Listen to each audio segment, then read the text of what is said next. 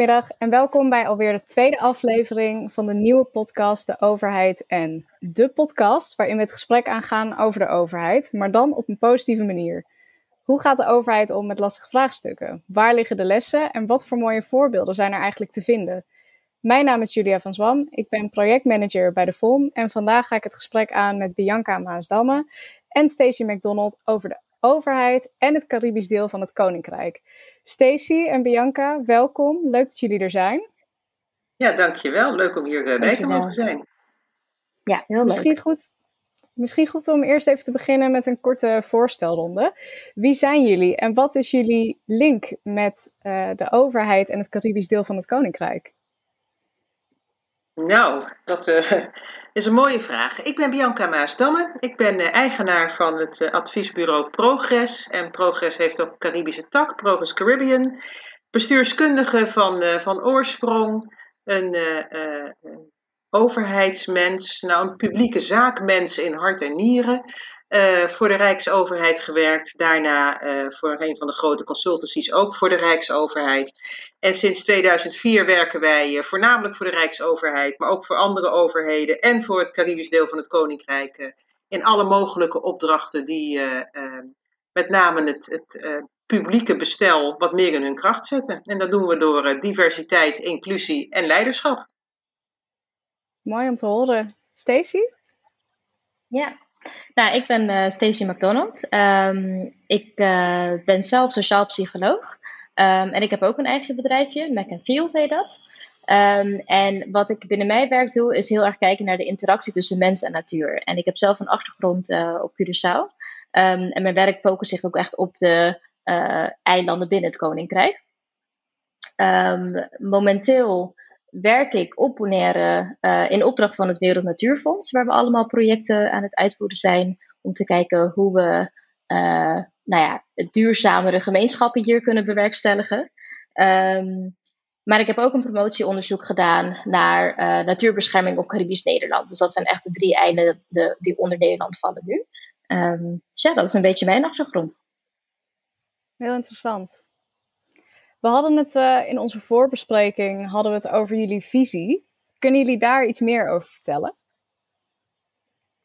Ja, ik denk um, als je het hebt over visie, visie op, op het, uh, uh, het hele koninkrijk, hè, het is één koninkrijk, vier landen, dan zoeken wij eigenlijk altijd naar duurzame verbinding. Naar hoe kun je nou de afhankelijkheid van elkaar in die vier landen nou daar zo optimaal mogelijk gebruik van maken. Uh, Stacey en ik hebben een, een heel leuk uh, voorstel bedacht, nog voordat corona begon. Het ging over een circulair koninkrijk. Over hoe kun je nou onderlinge afhankelijkheden uh, zo gebruiken dat je daar, dat je daar beter van wordt. Hè? Wat kunnen we nou leren van, van hoe in Saba de landbouw bijvoorbeeld wordt, wordt gedaan? Waarom is het goed dat je experimenten kan doen op een kleine schaal? En kan dat dan ook door daarvan gebruik te maken in Caribisch Nederland? Dus onze visie zit heel erg in dat we zoeken naar hoe je van elkaar kunt leren, eh, leiderschap kan versterken, maar wel op een duurzame manier. Dus nooit uh, snelle recepten, nooit, nou, we moeten even ergens wat scoren of een lijstje afvinken, maar altijd wel heel erg duurzaam naar de toekomst. Ja, en die visie deel jij ook, Stacey? Ja, absoluut. En ik vind zelf natuur uh, daar altijd een heel mooi, uh, mooi voorbeeld van. Uh, vooral ook omdat de natuur op de eilanden heel erg rijk is. En wat je zelf vaak ziet is dat de relatie tussen de, tussen de eilanden en Nederland um, best scheef kan zijn. zeker dat de eilanden, het, dat het idee bestaat dat de eilanden heel afhankelijk zijn van Nederland. Maar als je kijkt naar de natuur en de, de rijkdom als het op het gebied van uh, biodiversiteit, um, dan hebben de eilanden superveel te bieden. Dus ik denk dat daar een hele mooie uitwisseling kan bestaan tussen, oké, wat kunnen eigenlijk de eilanden bieden aan het Koninkrijk of aan Nederland? En ook de kennis die, die daar bestaat. Dus ik vind dat zelf een heel mooi en ook wel een neutraal onderwerp, zeg maar, om over, over te praten. Um, ja, dus die visie die deel ik absoluut. Wat kunnen we van elkaar leren en hoe verrijken wij elkaar? Ja, hebben jullie ook het idee dat juist omdat het eilanden zijn, dat er misschien juist meer mogelijk is? Ja, dat denk ik wel. Ja. En hebben jullie bijvoorbeeld voorbeelden van uh, ja, succesvolle projecten waarvan jullie zeggen dat dat is echt uniek voor de eilanden? Of in ieder geval uh, aan het begin uniek voor de eilanden?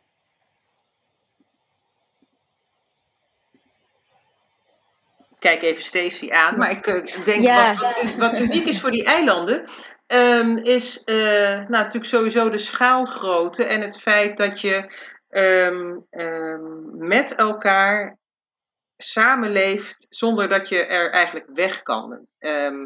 het zijn eilanden. Ik ben zelf opgegroeid op Curaçao. En uh, wat je daar ziet is dat de samenleving in zichzelf al heel inclusief is. Omdat je daar leert samen te leven met alle mogelijke mensen, omdat je op die ene rots met elkaar woont. En dus je zit in de klas met allemaal uh, kinderen van allerlei verschillende origine. En dat is heel gewoon. Het feit dat iedereen daar in de basis um, vier talen spreekt. En dan misschien niet allemaal even goed, maar wel vier talen. Hè? Waar ter wereld spreken mensen in de basis vier talen? Nou, dat doen ze in ieder geval uh, op de ABC-eilanden, want daar spreken ze Nederlands, Engels, Spaans en Papiamento. Dat is een, een rijkdom waar je natuurlijk uh, veel meer mee zou kunnen doen. Um, het feit dat de kleine eilanden, ook Sint Maarten en Bonaire, alle mogelijke grote infrastructuur hebben. Je hebt een groot vliegveld, hè, daar kunnen de grootste vliegtuigen landen. Je hebt een grote haven. Ondertussen ben je een piepklein eiland. Uh, dus je moet en grootstedelijk kunnen, uh, kunnen regeren. En in die hele kleine schaal van soms bijna ja, dorpspolitiek kunnen, uh, kunnen acteren. Nou, dat maakt het heel uniek en daar kunnen we zoveel van leren.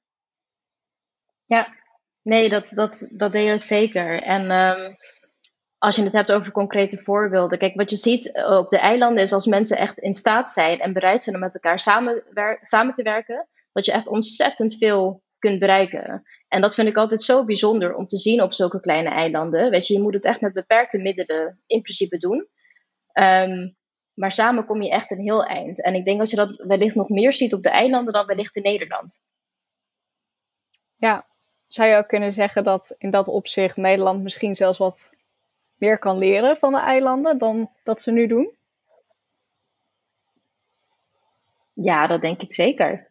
Ja, ja absoluut. Nou ja, één, uh, één voorbeeld is dat we uh, nu op Curaçao met een traject uh, bezig zijn. En dat heet de zogenaamde Curaçao Donut Economy. En de Donut Economy, dat is, um, ja, dat is een, een filosofie, wil ik het noemen, of een concept. Dat is bedacht door een, door een wetenschapper, Kate Rayward. Um, om anders na te denken over hoe je de maatschappij of de samenleving inricht. Um, en daarbij kijk je dus heel erg naar de menselijke behoeften binnen een samenleving, maar ook binnen uh, naar de ecologische grenzen. Dus wat, wat kan je eigenlijk dan gaan realiseren? Hoe, hoe kunnen wij onze maatschappij inrichten? Dus niet meer dat lineaire model van de economie, maar meer circulair. En dat is heel erg een, uh, een burgerinitiatief geweest. Uh, er waren een paar oproepen op social media, op Facebook, waarbij mensen dachten van ja, wij moeten nu anders gaan nadenken over de economie. En de, de aanstichter daarvan was eigenlijk uh, corona afgelopen jaar. Van ja, verdomd, wij zitten nu hier met z'n allen op deze rots, de grenzen zijn gesloten, wat gaan we nou doen? Uh, hoe gaan we hier met z'n allen uitkomen? Um, en daar hebben zoveel mensen zich inmiddels bij aangesloten, dat je ziet dat die behoefte er is om samen te werken heel, uh, heel groot is, heel sterk is. Um, en het is zo'n succes geweest dat ook de overheid daar uiteindelijk zich bij heeft aangesloten op Curaçao, maar ook uh, de overheid in Nederland. We werken nu bijvoorbeeld ook samen met de gemeente uh, Amsterdam, die ook al wat ervaring heeft in dit model. Um, en vanuit Amsterdam was het veel meer een uh, top-down initiatief, waarbij het een, een, was aangesticht eigenlijk door de, door de gemeente zelf. Die dacht van oké, hoe kunnen we anders gaan nadenken over de inrichting van gemeente Amsterdam. Maar op Curaçao zie je dat het echt komt vanuit de mensen. En vanuit de mensen die wat met elkaar willen, willen gaan realiseren. En ik denk dat dat soort bewegingen, waarbij dus ook echt actief uh, de samenwerking met de overheid wordt, wordt opgezocht, um, dat zijn hele mooie voorbeelden. En wat mooi is op, uh, op eilanden, is, is dat het netwerk relatief klein is. Dus als je de juiste mensen kent en het op een goede manier weet te pitchen, dan kan je echt fantastische dingen voor elkaar krijgen. En dat is in Nederland, denk ik, nog wel lastiger soms, omdat het uiteindelijk een groter land is. Um, waarbij je niet zomaar iedereen kent, dat heb je in bepaalde groepen werkt, maar daardoor wordt het minder snel inclusief dan dat het bijvoorbeeld op, uh, op de eilanden kan zijn. Ja, Misschien ook bureaucratischer? Ja, dat denk ik ook. Ja, en kun je misschien nog iets meer ingaan op hoe die donut-economie uh, er op Curaçao uitziet? Uh, nou, het is nu nog heel erg in een, in een onderzoekende en beginfase. Dus wat we nu hebben gedaan, is dat we een aantal workshops hebben georganiseerd binnen wijken, buurten, maar ook met organisaties. Om ten eerste het gesprek aan te gaan. Om te kijken van kunnen we dat beeld wat mensen uh, neigen te hebben over hoe, wat een economie is en hoe dat eruit moet zien, zouden we dat kunnen doorbreken? Hoe kan je een economie of een samenleving, wil ik eigenlijk zeggen, um, inclusiever, regeneratiever, uh, heel distributief maken? Dus dat het echt voor iedereen uh, van waarde is. en ook rekening houdt met, met de omgeving waarin je leeft. Um, dus die gesprekken zijn we nu aangegaan. En we zijn momenteel in het proces om daar een, rapport van op te stellen. Om ook te presenteren aan alle ministers en de minister-president. En um, nou ja, dan is het ook even de vraag van oké, hoe, hoe willen zij dat gaan oppakken?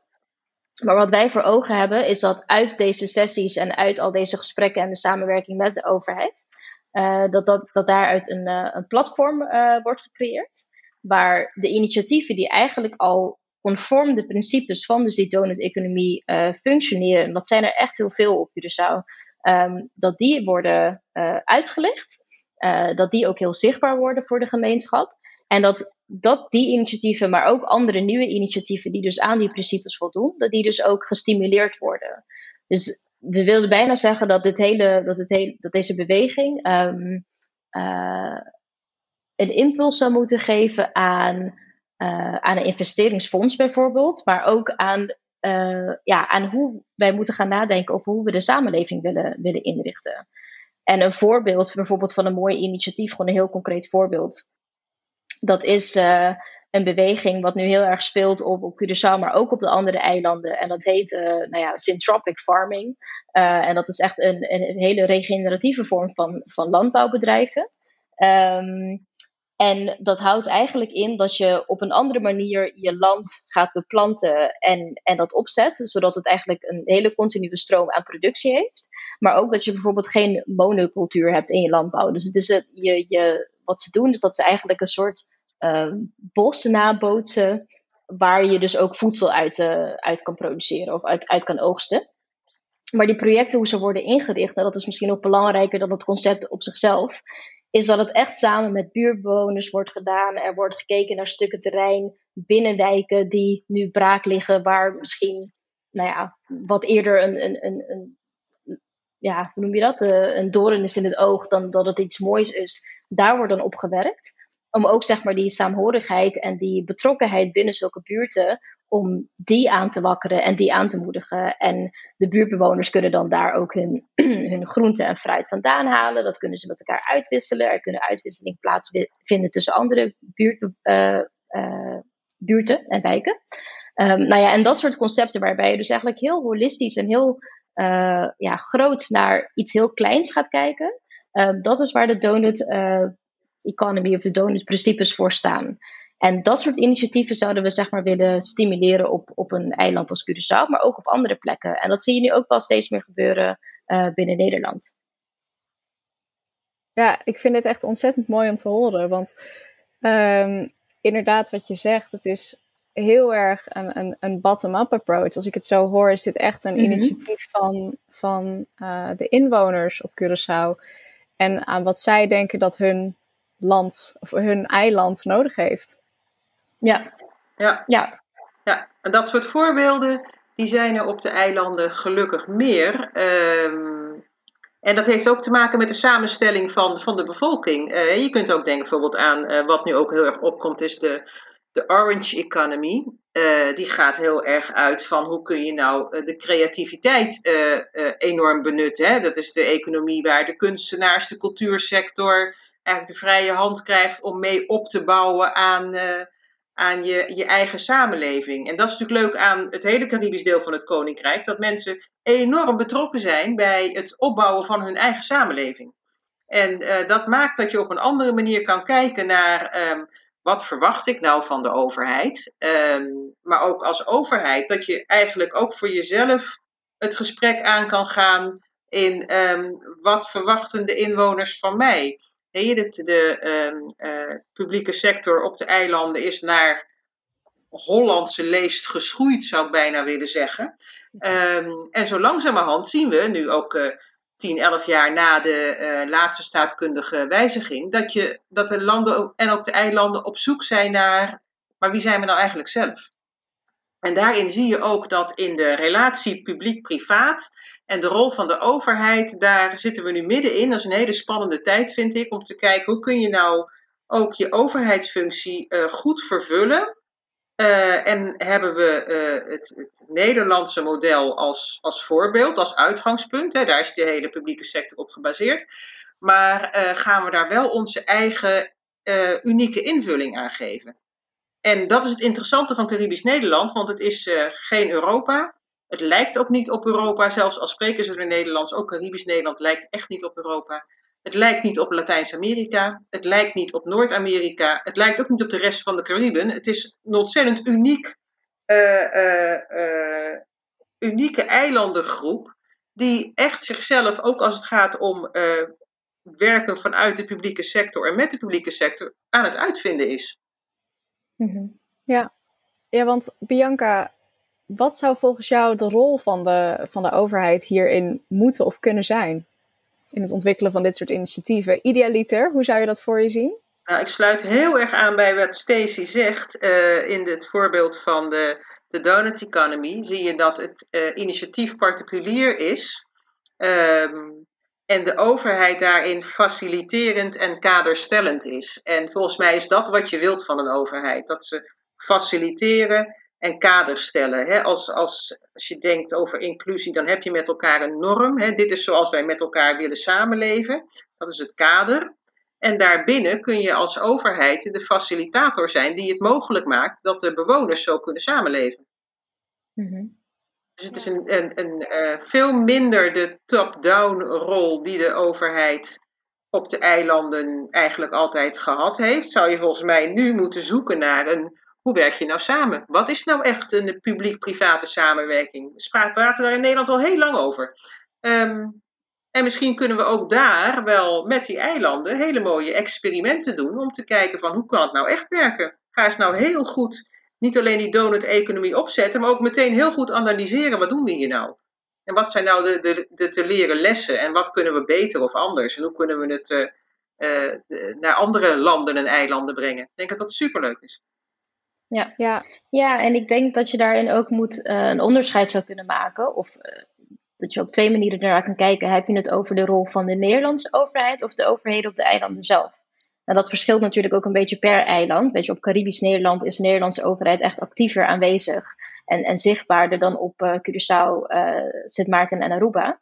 Um, maar ja, ze maken wel deel uit van het koninkrijk. Dus daar zie je ook wel weer een soort van koninkrijksverantwoordelijkheid of een rol die, die vervuld kan worden.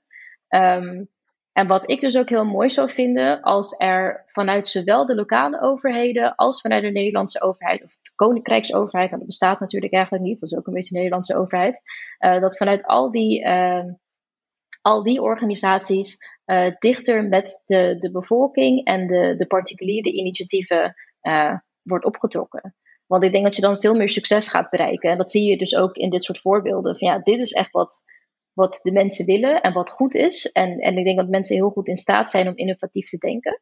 Um, om dat soort uh, ja, trajecten en processen goed te faciliteren en te ondersteunen.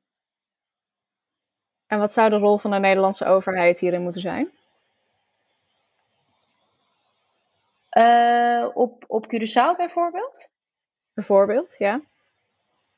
Ja, dat vind ik wel een goede vraag. Um, nou ja, je ziet nu bijvoorbeeld dat er zo een, uh, een, een uh, regeling is getroffen met Curaçao, ook naar aanleiding van, uh, van corona. om een financiële impuls te geven aan het eiland, zodat ze niet, nou ja, dat ze niet helemaal ten onder gaan. Um, en daar worden ook, daar wordt eigenlijk binnen, binnen zo'n, ja, hoe noemen ze dat?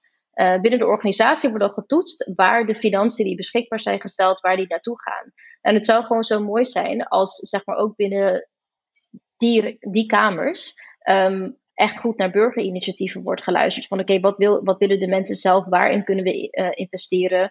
Uh, wat is belangrijk voor de samenleving op het eiland? En dat is ook in zo'n zeg maar, opzet niet alleen top-down wordt gekeken van dit is wat wij als Nederland belangrijk vinden, of dit is wat alleen de, de overheid van Curaçao belangrijk vindt, maar dit is ook wat de burgers belangrijk vinden. Dit is ook wat mensen willen en kunnen gaan doen. Dus op die manier zou je, denk ik, uh, zou de Nederlandse overheid een rol kunnen spelen. Um, maar dat is ook nog wel, denk ik, de uitdaging. En dat zie je bijvoorbeeld ook heel erg op Caribisch Nederland, waar de Nederlandse overheid dus echt een stuk uh, aanweziger is. En ik moet zeggen dat er wel echt uh, verandering heeft plaatsgevonden in de afgelopen tien jaar. Uh, nou ja, bijna elf jaar dat het nu Caribische gemeenten zijn, of Nederlandse gemeenten zijn binnen, op de, in de Cariben. Um, dat je eerst heel erg zag dat de Nederlandse overheid dacht van, nou ja, oké, het, het, is dus nu Nederland, dus nu gaan wij daar de boel bepalen. En nu merk je steeds meer binnen het ambtelijk apparaat van Nederland dat ze denken van, oh ja, wacht, dat werkt natuurlijk niet. Wat moeten wij nou eigenlijk doen? Misschien moeten we meer gaan luisteren en ook echt um, actiever samenwerken met de lokale partners. En echt kijken van, wat is de behoefte, wat is nodig en hoe kunnen wij daar uh, invulling aan geven. En dan ga je ook een hele andere relatie uh, met de Nederlandse overheid bijvoorbeeld opbouwen. Dus dat vind ik wel een mooi, uh, mooi proces wat je hier nu ziet op Caribisch Nederland. En stiekem denk ik ook wel dat Curaçao, Aruba en Sint Maarten daarin meekijken van joh, hoe doen die Caribische gemeentes dat nou eigenlijk en wat kunnen we van hun leren?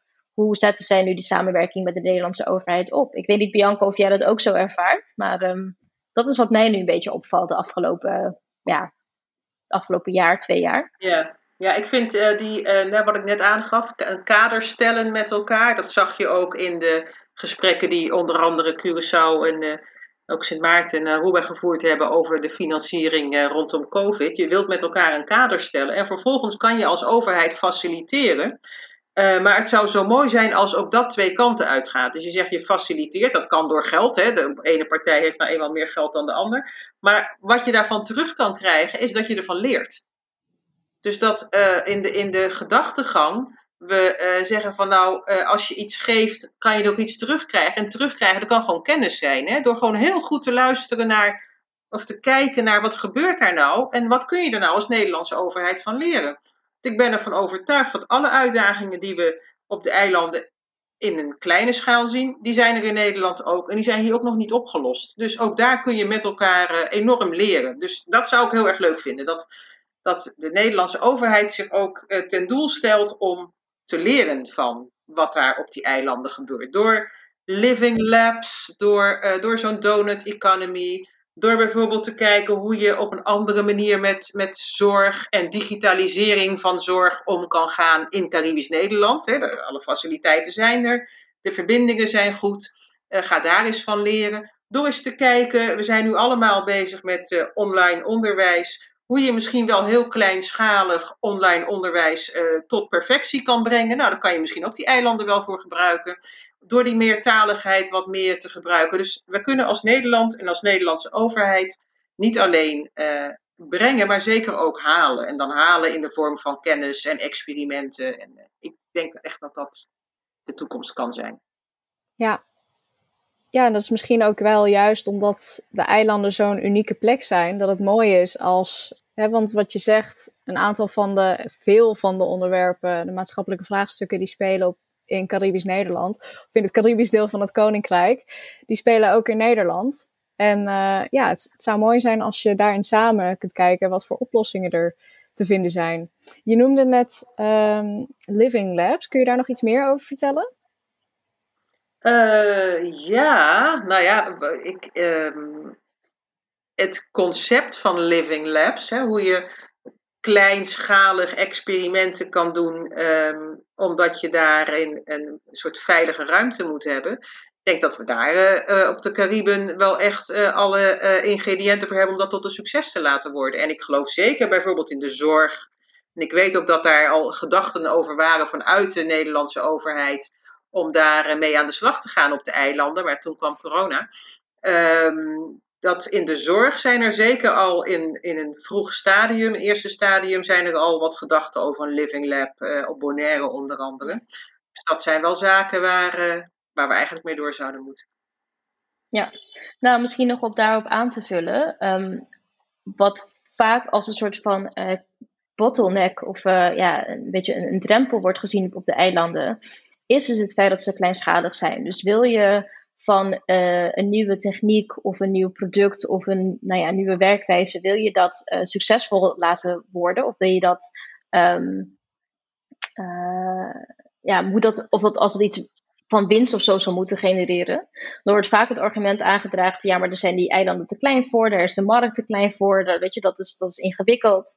Maar ik denk juist, zeker op bepaalde onderwerpen, omdat het echt gewoon ja, mini-landen zijn, kan je dus heel goed gaan toetsen van werkt dit eigenlijk? Wat voor infrastructuur moet je dan hebben? Hoe moet dat dan georganiseerd zijn? Wil je hier dus succes van maken? En juist die kleinschaligheid van de eilanden, die kan het dus ook interessant maken om met nieuwe uh, manieren, werkwijzen, technieken, noem maar op, uh, innovaties, om die dan te gaan uit uh, te proberen. Dus ik denk dat daar ook wel een soort van denkshift nodig is. Dat je niet per, se alles op grote schaal moet willen of hoeft te doen, maar juist ook op kleine schaal kan, kan uitproberen. En um, hoewel bijvoorbeeld ook het klimaat op de eilanden brengt zeker ook wat uitdagingen met zich mee. Je hebt bijvoorbeeld altijd wel een, eh, een beetje zoute lucht. Dus als je heel veel met metaal gaat doen, ik zeg maar iets, dan, dan krijg je heel vaak last van roest. Maar ja, zie dat ook als een uitdaging van hoe kan je dan materialen of, of middelen ontwikkelen die juist tegen dat soort omstandigheden bestand zijn. En dat je dus zeg maar niet um, een product ontwikkelt in een gebied waar je eigenlijk helemaal niet zo kwetsbaar bent aan bepaalde externe factoren. En die je dus vervolgens ook niet kan overbrengen of, of kan plaatsen in andere gebieden op de wereld. Dus ik denk juist in die zin dat de eilanden heel veel mogelijkheden bieden. Van oké, hoe kunnen we dit hier uh, opzetten en ontwikkelen? Uh, waar moeten we overal aan denken? Uh, we hebben hier met een soort ja, een mini-stad of een mini-land te maken. Hoe gaan we dat dan eigenlijk organiseren? Um, dus ik zie juist daar heel veel potentie in, in de kleinschaligheid van de eilanden in die zin. Zien de eilanden zelf ook die potentie? Ja, zeker wel. Ja. Ja. En het mag misschien nog wel meer hoor. Want het is natuurlijk ook altijd wel spannend. En dat heeft misschien ook een beetje met de geschiedenis van de eilanden te maken. In wat ik in het begin ook zei, dat ze altijd wel heel erg kijken naar Nederland. Van maar wat doet Nederland? Of wat doet Europa? Of wat doet Amerika? Um, en daardoor minder naar zichzelf kijken. En soms naar de potentie van zichzelf. Of wellicht ook binnen de regio. Wat andere eilanden doen. Dus ik denk dat de eilanden daar zelf ook nog wel een, een, uh, een inhaalslag te, te, maken hebben. Um, maar ik merk zelf wel dat ze die potentie steeds meer uh, aan het inzien zijn. Um, en dus ook weer die gedachtegoed, zeg maar, als je dus mensen hebt die dat, die dat willen of die daarin geloven, gaat dat dan ook stimuleren. Weet je, ook als overheid dan, gaat dat soort gesprekken aan met die personen, die individuen, die groepen, die daar dus in geloven. En laten we dan kijken hoe ver we met hun komen. In plaats van steeds weer in de oude uh, werkwijze of manieren en van denken en doen uh, blijven hangen. Ja. Ja, ja. Nee, ik, ik uh, onderschrijf dat. En ik denk wat daarbij belangrijk is, is dat je um, ook mensen zoekt die in staat zijn om te verbinden. Dus um, probeer ook als je dit soort initiatieven oppakt, om zoveel mogelijk in een netwerk te zitten van mensen die in staat zijn om ook uiterste wat meer te begrijpen. Die, uh, ik zeg ook wel eens, weet je, ik kan met een hele Hollandse bril op naar de Nederlandse overheid luisteren. En ik kan met mijn Curaçaose bril op naar de Curaçaose overheid luisteren, om maar even twee te pakken. Um, en dat maakt dat je um, ook het inlevingsvermogen kunt vergroten. Dus zorg dat je zoekt naar mensen die niet als een Alice in Wonderland uh, over de eilanden uh, dartelen, maar ook heel erg ook snappen uh, en, maar ook nog steeds dan luisteren. Dus niet snappen vanuit een mhm. vooroordeel, maar luisteren. En, en snappen, omdat ze gewoon dichter bij de, de cultuur kunnen staan, wat er aan de hand is. Het is ontzettend belangrijk om mensen te vinden die kunnen verbinden. Dat gaat het gesprek uh, en daarmee ook de innovatie zo ontzettend uh, helpen versnellen. En dan de verbinding tussen de Nederlandse overheid en de lokale overheden, bedoel je? Oh, ja, en tussen de Nederlandse mensen en de lokale mensen. En uh, tussen de oudere garde en de jongere garde. Uh, ik denk dat uh, er hele, heel veel vormen van verbinding nodig zijn om um, al die innovatie die wij, waar we het hier nu over hebben, om die te realiseren. Ja. Ja, wat ik graag nog even naartoe terug zou willen, is dat Stacey, volgens mij noemde jij het net al, dat de bestuurlijke verhoudingen um, eigenlijk heel erg zijn veranderd de afgelopen tien jaar. Wat heeft dat betekend voor, voor de eilanden, voor het Caribisch deel van het Koninkrijk? Ja, nou, misschien wil jij hier eerst antwoord op geven, Bianca. Um, bij de uh, nieuwe staatkundige structuur, op 10 oktober 2010, kregen we natuurlijk Caribisch Nederland en uh, hadden we ineens vier landen in één koninkrijk. Van verschillende grootte, maar wel in een gelijkwaardigheid. Dat is natuurlijk een hele bijzondere. wat gebeurt er dan? Dat betekent dat in ieder geval twee landen waren toen nieuw, het land Curaçao en het land Sint Maarten. Die moeten zichzelf dan eigenlijk gaan uitvinden hoe word je nou een nieuw land? Nou, dan, dat zijn dus nu landen van 11 jaar oud. Um, dat maakt dat je um, op zoek gaat, ook als overheid, hoe gaan we dat nou doen? Wat voor soort overheid willen we nou zijn? En daar is uh, tien jaar geleden natuurlijk over nagedacht, wat zouden we willen zijn? Maar dan ga je het met elkaar ontdekken. En uh, dan ga je daarin fouten maken en je gaat daarin leren. En um, ik denk dat zij nu zo langzamerhand op het punt komen Uh, dat zegt, oké, dit is dus het soort overheid wat wij kunnen zijn. Het enige voorbeeld wat je daarvoor had, was natuurlijk eerst het hele koloniale voorbeeld, daarna het voorbeeld van het land, de Nederlandse Antillen. Dus ze moesten echt bijna bij nul beginnen om te gaan bouwen aan een nieuwe publieke overheid. En welke diensten ga je daar dan in, in doen, is misschien niet eens zo heel moeilijk, maar vooral hoe ga je dat dan doen? En op welke manier ga je nou ten opzichte van die burgers staan? En ik denk dat uh, wat wij hebben gezien in de afgelopen tien jaar, um, op, in de landen, maar ik geloof ook wel in Caribisch Nederland, is dat we steeds meer ons zijn gaan realiseren dat je het niet um, doet uh, zorgend voor de burgers, maar uh, veel meer moet doen met de burgers, omdat je er anders niet komt. Ook vanuit Caribisch Nederland denk ik dat in het begin gedacht is, nou we gaan daar vanuit Nederland ontzettend ons best doen als Nederlandse overheid om daar de publieke taken goed te doen. En dan merk je dat die uh, publieke taken in Caribisch land terecht moeten komen. En dat dat toch een andere manier van ook nadenken over je overheidstaken vraagt. Nou, dat hebben we denk ik de afgelopen jaren met elkaar ontdekt. Daar zijn we nog lang niet. Maar dat is wel de stap die je als overheid aan het maken bent. En hoe vind ik mezelf nou uit? Die doen we hier in Nederland overigens ook. Hè? Alle discussie in Nederland over uitvoeringsorganisaties op dit moment gaan eigenlijk ook over hoe, hoe vind je je nou als overheid opnieuw uit. En terwijl ik dit zeg, is dit misschien ook wel een hele mooie om als Nederland eens te gaan kijken op de eilanden. Hoe doen zij dat eigenlijk met uitvoeringsorganisaties? Misschien valt daar wel wat te leren. Ja, je gaat eigenlijk al helemaal toe naar het deel van het gesprek waar ik naartoe wilde. Want ik vraag me af, als ik zo al deze mooie voorbeelden hoor en de kansen die uh, het Caribisch deel van het Koninkrijk biedt, uh, wat kunnen we daar dan van leren? Wat moeten we meenemen als Nederlandse overheid van de Cariben?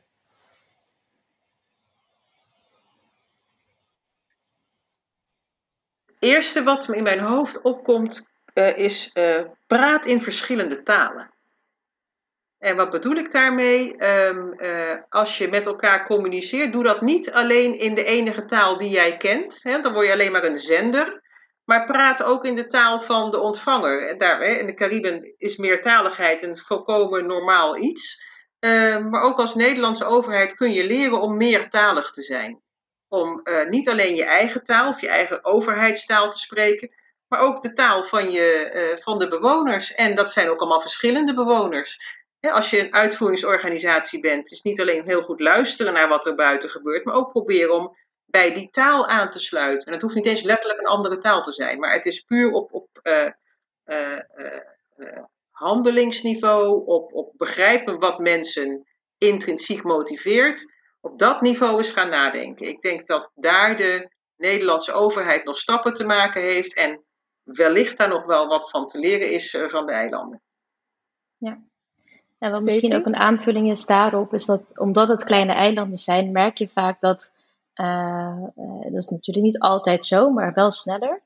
Uh, dat de, de mensen hier in het ambtelijk apparaat ook veel dichter bij de bevolking staan. Dus veel beter aanvoelen en weten waar mensen nou mee kampen, wat er moet gebeuren, waar de behoefte ligt, waar de problemen zijn. En ook daardoor veel gerichter daarop kunnen inspelen. Dat heeft natuurlijk ook wel andere uitdagingen. Maar ik denk dat ook wel iets moois zou zijn vanuit de Nederlandse overheid. Want dat voelt altijd zo van ja, dat, dat is in Den Haag. En wat gebeurt er dan in de rest van het land? En natuurlijk zijn er allemaal tussen mensen die daar uh, in bemiddelen en dat ook proberen te faciliteren. Maar dat vind ik zelf wel mooi van de overheden hier. Ja, je, je, je komt iedereen bij wijze van, van tegen. Dat is dan toch weer een beetje dat, dat dorpsgevoel. Weet je, je bent, niet, je bent niet zo anoniem. Je bent niet zo ver weg als uh, minister-president of als minister van een of ander uh, ministerie. Je zit echt veel meer in, in wat de bevolking nodig heeft en wilt. En dat wil niet zeggen dat ze er altijd perfect op handelen hier. Maar ik denk dat dat wel een mooi voorbeeld is. Van ja, dat, dat zou gewoon heel mooi zijn als dat ook meer in Nederland is. Dat mensen echt gewoon weten van oké, even met voet op de grond. Wat is er nou eigenlijk nodig? Waar moeten we naartoe? Ja, en daarmee ook waar ben ik verantwoordelijk voor. Uh, als je uh, verantwoordelijk bent voor uitvoering, maar je ziet de burgers waar je het voor doet eigenlijk nooit, dan uh, heb je een ander soort verantwoordelijkheidsgevoel dan wanneer je echt weet dat het over je buurman gaat. Ja.